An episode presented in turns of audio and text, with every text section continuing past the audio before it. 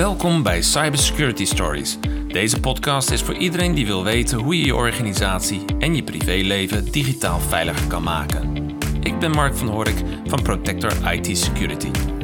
In deze aflevering van Cybersecurity Stories heb ik als gast Katie Hoisma van Intel Fans. En we gaan het dit keer hebben over insider threats. Hallo Katie. Hey Mark, En, hi. hi. En Katie, ehm, ja, ik zou zeggen, stel je even voor aan, aan de luisteraars. Ja, dat zal ik zeker even doen. Dankjewel voor de uitnodiging, Mark. Ehm, ik ben Katie Horsma. Intel Fans BV houdt zich bezig met het ontwikkelen van uh, cybersecurity programma's, workshops en trainingen. Dat doen wij voor opleiders, maar ook voor wat grotere organisaties die zelf ehm, trainers in huis hebben. Uiteraard kunnen wij ook trainers verzorgen. Maar globaal gezien houden wij ons bezig met het ontwikkelen van nieuwe cybersecurity programma's. Oké, nou dat klinkt goed. En volgens mij een, uh, die, de juiste persoon om over insider threats te gaan praten. Nou, klinkt dat uh, best wel een beetje, een beetje heftig, het woordje insider threats. Maar Katie, kun jij uh, een beetje uitleggen wat we dan onder insider threats moeten uh, verstaan? Ja, ja, snap ik. Um, nou, insider threats, dat klinkt inderdaad um, uh, weer heel spannend, heel gevaarlijk. Kan het natuurlijk in feite ook wel zijn.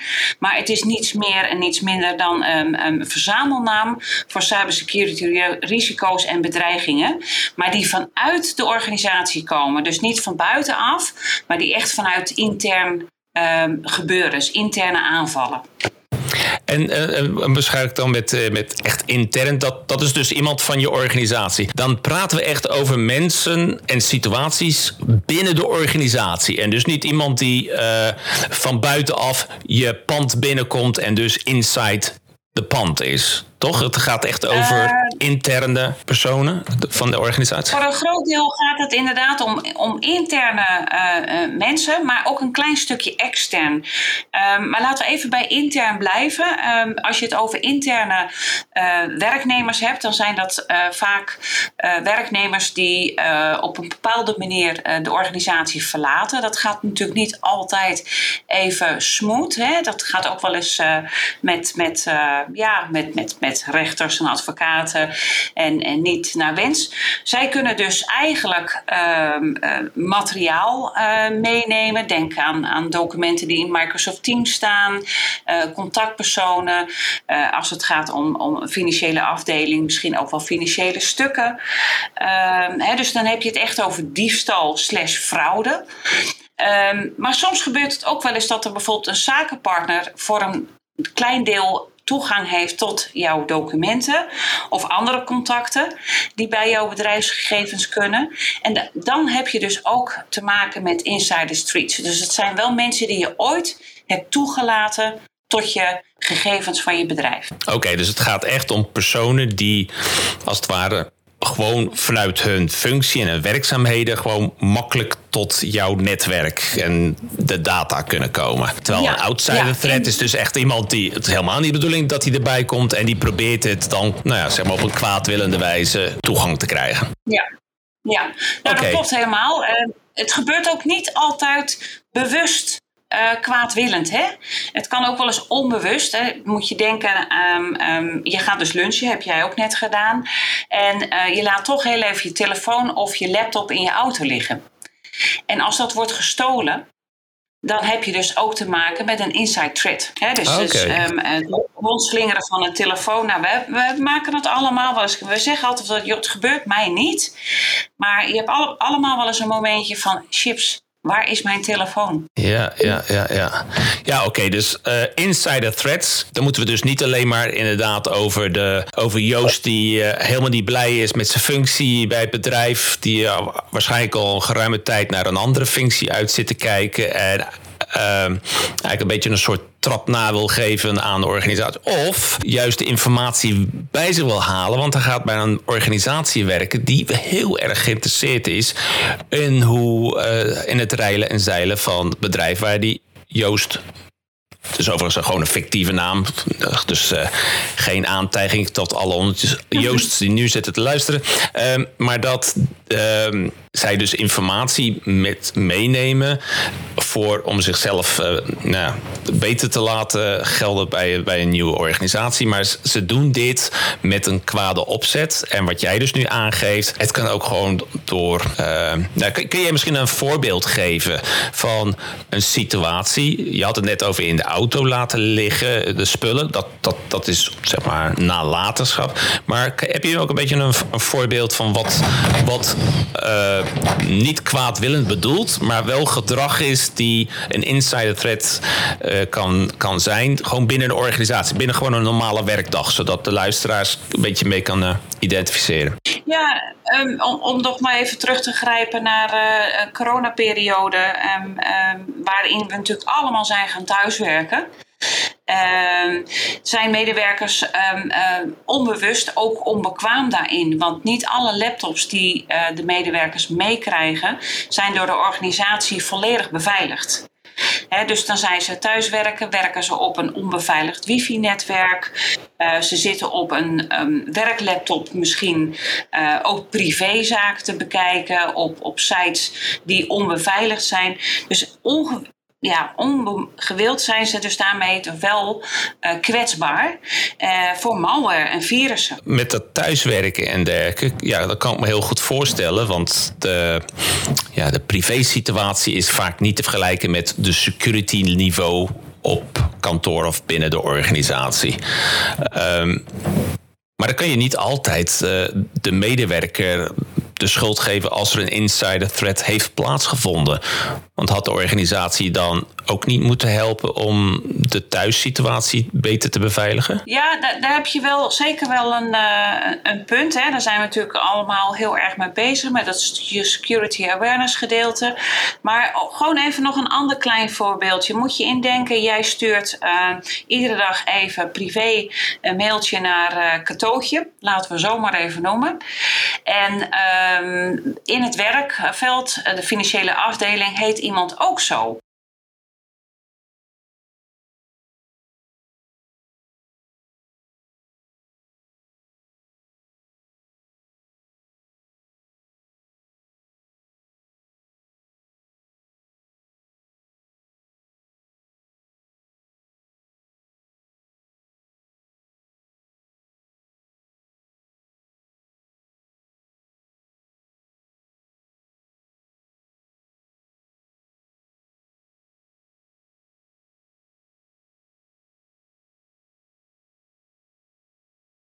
Ja, ik vind het echt wel een. Ik denk dat menigeen dit wel kent. En zeker als je in een organisatie zit waar meerdere personen dezelfde naam hebben. En je hebt een haast en het is belangrijk. Je zit onder druk en je toetst. Nou, bijvoorbeeld in mijn geval Mark. En je toetst alleen de M in. En dan komt daar gewoon een Mark tevoorschijn. Hoppa, tjak, tjak, tjak. CCC, hoppa. En verzend. Weg ermee taakje volbracht. Alleen jammer genoeg was dat dus niet Mark ik, maar dat was Mark oh, misschien bij een klant of whatever. En dan moet je dus maar afwachten wat er aan de andere kant uh, gebeurt. Uh, dat is inderdaad wel iets wat uh, ik denk menigeen zich wel mee kan, uh, kan identificeren. Maar dat is wel een interessant ding. Want hoe, hoe voorkom je eigenlijk zoiets? Ja, misschien moet je dan zeggen voordat je op, uh, op de verzendknop dat je nog eventjes goed checkt. Maar dit is meestal, dit gebeurt meestal in situaties waarin men haast heeft. Ja, kijk, het herkennen van bedreigingen van binnenuit de organisatie is echt heel lastig. Uh, maar is eigenlijk iets waar je als ondernemer ook liever niet aan wil denken. En dat gebeurt ook vaak. Hè? Als je er maar niet aan denkt, dan is het er niet totdat het gebeurt. Uh, dus daar, daar is zeker wel een, uh, een protocol voor. Hè, en daar word ik ook uh, echt wel warm van om daar eens over te praten. Voorkomen is echt beter dan genezen. En je kan echt wel een aantal stappen daarin maken hoor. Je kan een risicoanalyse maken. je kan met elkaar gaan bepalen wie de toegang heeft tot welke data en services. Ehm, je kan ervoor zorgen dragen dat er de, bij HR dan de in- en uitdienstprocedure wordt aangepast. Echt ook met, met hè, dit deel erin. Uh, je kan een rechte matrix uh, opzetten. Je kan de activiteiten laten monitoren. Nou, er is genoeg te doen. Maar feitelijk komt er ook op neer dat je eigenlijk je hele organisatie moet trainen op het bewustzijn hiervan. Het bewustzijn van onzorgvuldig en onwetend handelen. Want het is eigenlijk 9 van de 10 keer niet bewust, maar echt onbewust uh, dat dit gebeurt. Ja. Wie wie zou hier de voortouw in moeten nemen? Laten we weer teruggaan naar, naar een situatie waarin men uh, uitgaat van een onbewuste situatie. Hè? Dus dat is, uh, ja, ik, ik, wist niet beter, ik heb er nooit zo over nagedacht. Uh, en het is, we sturen mailtjes uit. En we sturen gevoelige informatie en dat sturen naar iemand verkeerd. Er ontstaat een datalek. Is dit, een, is dit een, iets waar een, de IT-afdeling achter moet gaan, omdat het over data gaat? Of is dit meer eh, toch iets voor HR? Je refereerde er net al aan, dat HR hier eigenlijk het voortouw in moet nemen om de medewerkers hiervan op de hoogte te brengen. Dus bewust van te laten worden dat je even goed moet nadenken als je met gevoelige informatie omgaat. Ik ben eigenlijk wel benieuwd. Uh... Ik, snap wel dat je uh, dit aangeeft. Um, het is eigenlijk te makkelijk om te zeggen, nou dat ligt bij HR. Want HR zegt dan daarna weer nee, dat ligt bij IT. Want het gaan om IT-zaken naar mijn mening. Maar ik denk dat het om, om gezamenlijk uh, management gaat om dit uh, als protocol op te gaan nemen. Waarin eigenlijk iedereen een bepaalde rol krijgt. En niet iedere organisatie heeft een, een, een IT-afdeling. Heel veel mensen uh, die uh, zetten dat buiten hun om. Maar um, ehm, HR of personeelszaken is vaak wel degene die uh, de contractvorming maakt met een nieuwe werknemer. En uh, ook de gesprekken natuurlijk onderhoudt met de huidige werknemers. Ik denk dat daar wel al een basis zou kunnen liggen om uh, bepaalde afspraken te maken. Hoe je ook met dit soort zaken omgaat. Maar goed, ik ben ook wel, wat ik al zei, ik ben zo nieuwsgierig wat uh, het HR op dit moment uh, meekrijgt. als je kijkt naar de opleidingen personeelszaken, daar wordt dit helemaal nog niet in benoemd. Nee. Dus ook HR moet hierin aangestuurd worden. Oké, dus in jouw, en daar ga ik ook wel in mee hoor, dat uh, het is niet zozeer dat IT. Ik heb dat een keer eerder in een, in een podcast met Jan-Martijn Broekhoff van Guardian 360 over gehad. Dat, weet je wel, informatiebeveiliging is niet alleen voor de IT. Je kan niet alleen maar op het potje van IT ja. afschuiven. Je geeft het hier ook aan, ja, het is ook niet iets wat alleen maar voor HR is. En dat is eigenlijk ook zo. Informatiebeveiliging, cybersecurity, noem het maar wat je wil. Maar, het, het, het, eh, afvangen van de, de, de, risico's, de online risico's die een organisatie eh, mee te maken kan krijgen. Ja, dat is niet van één afdeling. Omdat de hele digitale aspect is, dat gaat door de hele organisatie heen. En eigenlijk kom je dan maar op één plek terecht die daar dit zou moeten initiëren. En die daar, dan, dan zit je helemaal aan de top.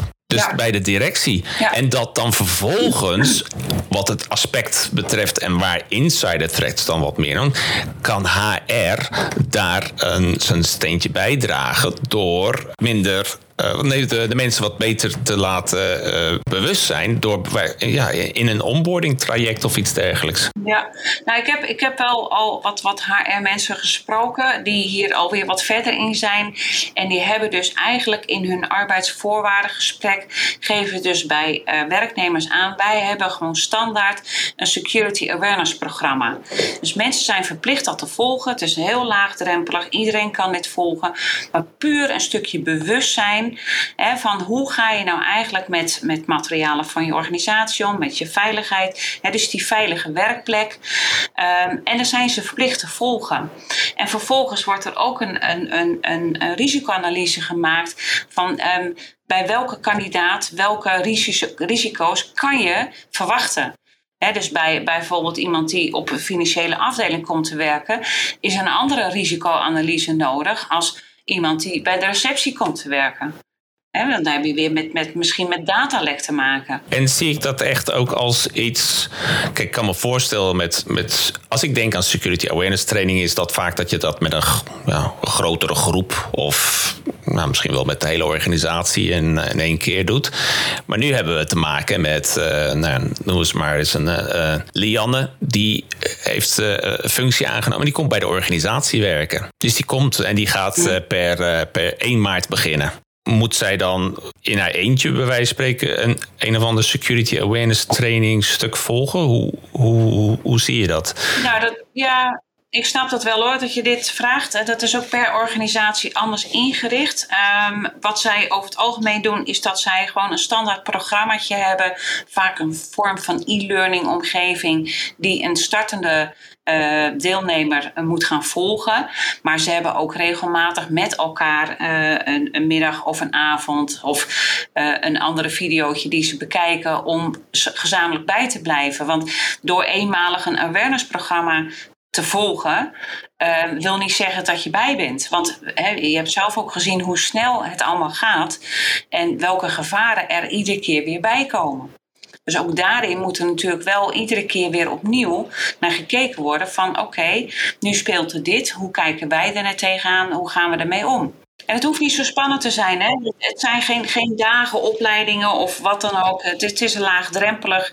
Um, je kan het vrij simpel um, inkopen ook. Nou, nou hebben we het een beetje over gesproken, over die onbewuste insider threats. En door mensen meer mm -hmm. bewust van te maken, Hopelijk gaan ze dan dat gedrag niet vertonen of zijn ze meer op hun hoede. Stel nou eens dat er een collega is die uh, die, laten we weer eens even teruggaan naar die kwaadwillende. Daar begonnen we ooit eens mee. En de insider thread van, van een collega die, uh, nou ja, die kwaadwillend wil zijn. Kan die bepaalde gedrag. Zijn, zijn er signalen om zo iemand te herkennen. Dus dat hij bepaald gedrag vertoont waarvan jij zegt van hé, maar wacht even, die moet ik even wat meer in de gaten houden. Is dat uh, uh, ja, zeker wel. Zeker wel. Kijk, als je um, bijvoorbeeld um, zo'n awareness-programma met elkaar uitoefent en het is ook gewoon regelmatig dat er eentje niet erbij zit, dan, dan moet je dat monitoren. Maar ook het regelmatig verversen van je wachtwoorden, hè, van je laptop. Dat is een verplichting feitelijk uh, in deze wereld. Um, en als je dan merkt dat er structureel um, uh, een paar zijn, of één of twee, die zeggen van ja, dat doe ik niet aan mee. Het is allemaal gedrag uh, wat je moet gaan monitoren. Maar je kan het nooit helemaal waterdicht maken. Dit is best een hele lastige om, uh, om dat voor elkaar te krijgen. En daarom is het zo belangrijk dat je vooraf je risicoanalyse maakt en heel duidelijk aangeeft van tot welke data heeft wie toegang. Dus je zegt eigenlijk gewoon zoveel mogelijk het ongewenst gedrag uitsluiten. Want als iemand gewoon vrijelijk overal toegang heeft, uh -huh. dan kan die dus ongewenst gedrag vertonen, maar je hebt het ook toegelaten. Ja, ja, en, en wat je ook wel meemaakt, ik heb het persoonlijk uh, um, heel wat jaartjes geleden al eens meegemaakt. Uh, een organisatie, um, daar hadden we iedere keer s morgens vroeg dat er al een aantal mensen aan het werk zaten. En, er was, en die zaten nasi te eten, s morgens om half zeven. Dat je echt dacht van jeetje, die zijn ook vroeg al aan de nasi. Ja, dan kom je Klinkt dus lekker. Ja, ja, kom je tot ontdekking dat ze daar hele nachten, dat was trouwens wel een afdeling ICT, maar die waren hele nachten daar bezig met allerlei duistere praktijken. Dus die, die waren gewoon hun avondeten s'morgens vroeg aan het opeten. Uh, nou, dat is verdacht gedrag. Dat valt natuurlijk ontzettend op. Uh, maar ook ontevreden gedrag. Hè? Als jij een, een, werknemer hebt die ontzettend ontevreden is, uh, die moet je niet op voorhand al uh, um, schuldig maken. Maar je moet je wel in de gaten houden van hé, hey, waar kan hij of zij bij? En, en, en wat, wat zijn de risico's die we kunnen lopen als dit misgaat? Ja, en zie je dat. Of wat dacht je, wat dacht je van, hey, wat dacht je van USB-sticks dan? Oh ja, de befaamde USB-stick, hè? Ja, ja heel erg handig. Ja. Kan je zoveel mogelijk informatie opzetten. Ja, ik, ik, ik, begrijp wel dat ze er nog zijn. En vaak in een situatie waardoor alles eigenlijk tegen zit, is de USB-stick soms wel de reddende engel. Maar we weten ook dat het heel vaak wordt misbruikt. Enerzijds uh, van externen die een of andere USB-stick laten rondslingeren en dan, oh, en wij zijn nieuwsgierige aagjes, dus wat is dat dan? En oeps, te laat. Of is het natuurlijk een uitstekende wijze om data van het netwerk af te halen, op die USB-stick te zetten en dat dan mee te nemen? Ja, klopt. Klopt. Dus wat gaan we daaraan doen, uh, Katie? ja, dat is, dat is Dat is een hele goede vraag. Ja, nogmaals, um, um, ik, ik denk dat het belangrijk is dat organisaties, uh, het, het managementteam eens samen gaat zitten. Van kijken van, joh, wie pakt welke verantwoordelijkheden? Hè? Want je bent gezamenlijk verantwoordelijk voor. Het is niet één persoon. Het is niet één afdeling. Dus hè, de directie die moet eigenlijk aangeven wie van ons is waar verantwoordelijk voor en hoe wordt het gemonitord. Maak een risicoanalyse. Bepaal wie welke data toegang heeft. Um, zorg ervoor dat de in- en uitdienstprocedure dat het wordt nageleefd. Zoals het ook uh, eigenlijk zou moeten zijn. Waardoor je op een gegeven moment dat ex-medewerkers op het moment dat ze de deur achter zich dichttrekken volledig geen toegang meer hebben tot systemen en data. Stel een rechtenmatrix op. Hou dit ook wel actueel, want anders heeft het geen zin. Uh, maar monitor ook vooral activiteit op de werkvloer.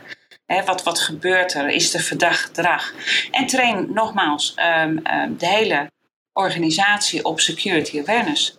Ja, daardoor creëer je natuurlijk ook op de werkvloer uh, medewerkers die ambassadeur zijn van een veilige werkplek want als ik zie dat mijn buurman uh, raar gedrag vertoont, want ik ben daar alert nu op, dan kan ik dat ook netjes doorgeven. Ja, en ik denk dat dat een heel belangrijk punt is. Uh, want het eerste wat ik aan zat te denken, je zei van uh, een in- en uitdienstproces.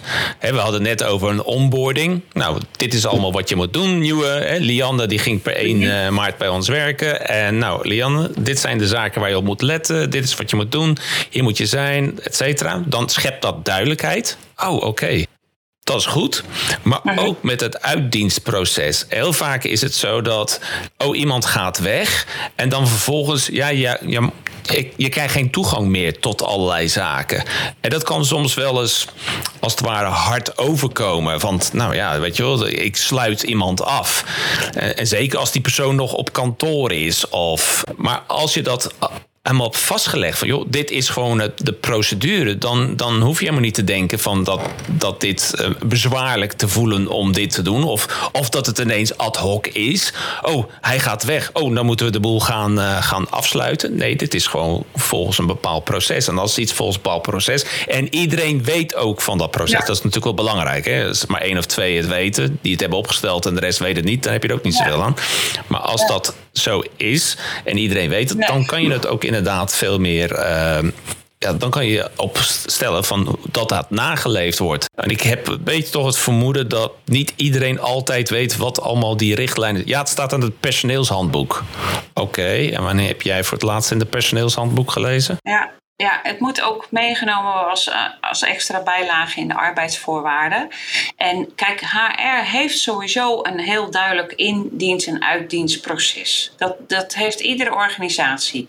En de ene heeft een, een boekwerk van 30 bladzijden, de andere heeft een, uh, een, een dingetje van 4, 5 bladzijden.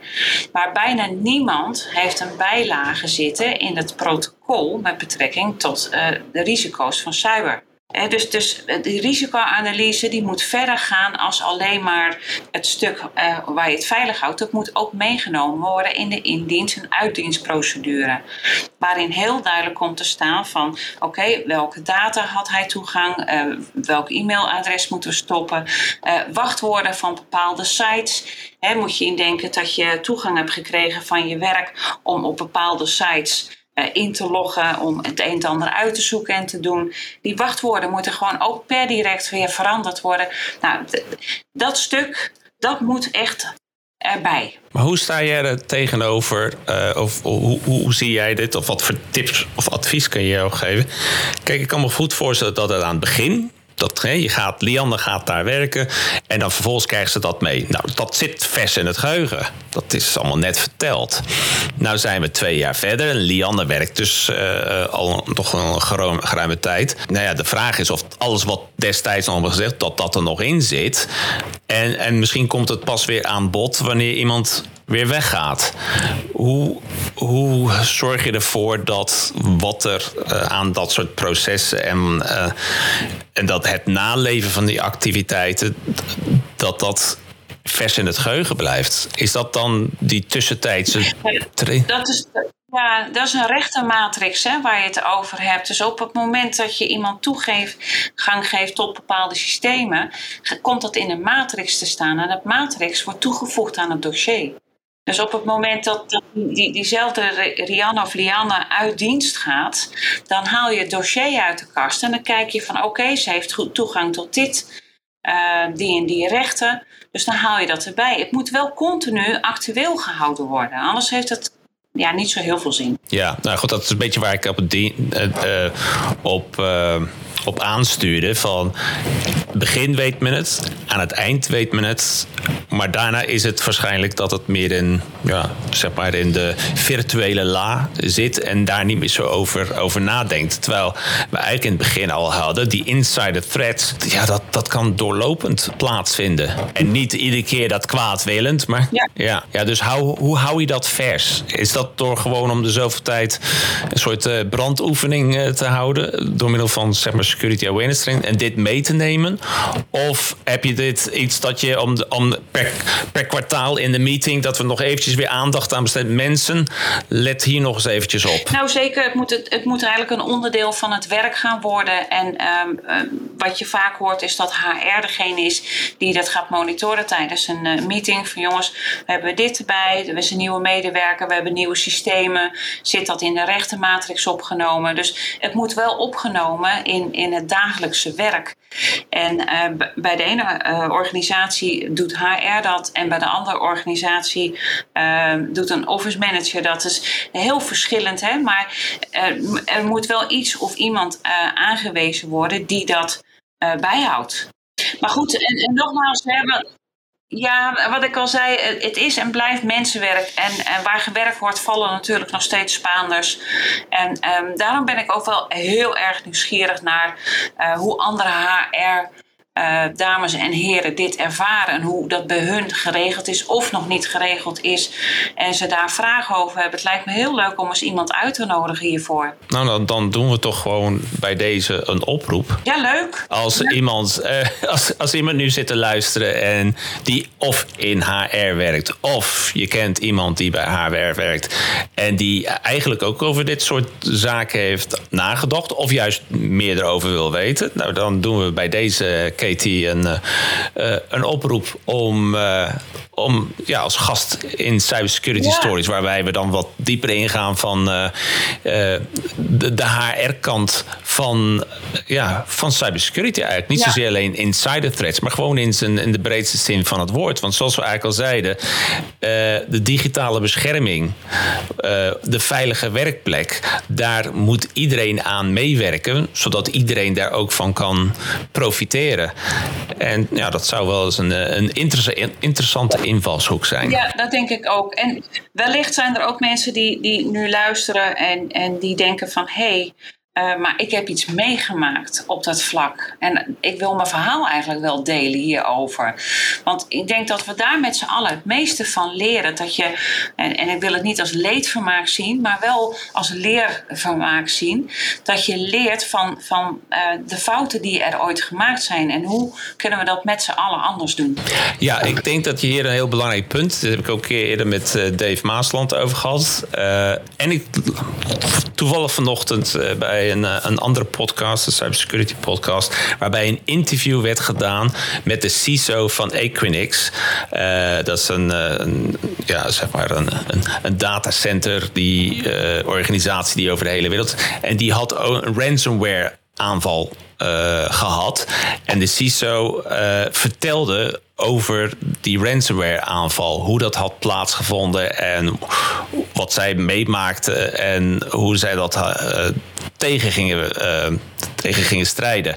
En dat geeft je heel veel inzicht waar anderen dan weer voordeel van hebben. Dat is het punt. Het, het delen van kennis is van groot belang. Maar ook de delen van ervaringen. Ook al zijn die ervaringen uh, voor jou minder leuk geweest, omdat jij slachtoffer bent geweest. Het zij van een insider threat, het zij van een ransomware, het zij van een scam of wat dan ook. Maar door het delen daarvan kan je wel uh, anderen veel meer bewust van maken, zodat zij daar dan niet in trappen. Dus wat dat betreft, ja, als, als iemand dat zou graag willen doen, dat ja, uh, ja graag. Wij, wij zouden dit soort informatie en ervaringen graag aan anderen willen delen. Dus uh, mocht je uh, interesse hebben om dit te doen, nou neem ja. contact op. Uh, we hebben een vrij makkelijke e-mailadres hiervoor, CS hè, van Cybersecurity Stories, cs@protector.nl. Dan kan je dat daar naartoe sturen en dan neem ik Katie of ik contact met je op en dan gaan we dat verder wel regelen. Als er verder uh, mensen contact met jou willen opnemen, Katie, hoe kunnen ze het beste in contact met jou komen? Ja, ja dat is op zich niet zo moeilijk. Uh, info at intelfans.com. Intel is met I-N-T-E-L-L F-E-N-C-E.com. Oké. Okay. En kunnen ze jou ook vinden op LinkedIn vast? Zeker. Ja, ook als persoon, Katie Hoisma, uh, maar ook als organisatie Intelfans. Uh, ik denk als je alleen maar Hoisma inklikt, dan zie je vrij veel van mij voorbij komen. Nou, kijk. Goed. Voor de rest wil ik jou uh, van harte bedanken, Katie, uh, voor deze interessante uh, discussie over insider threats.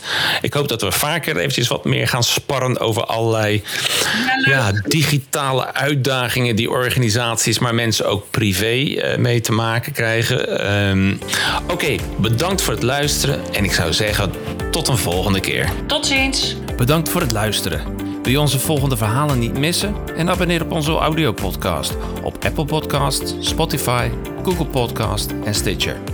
Tot de volgende keer.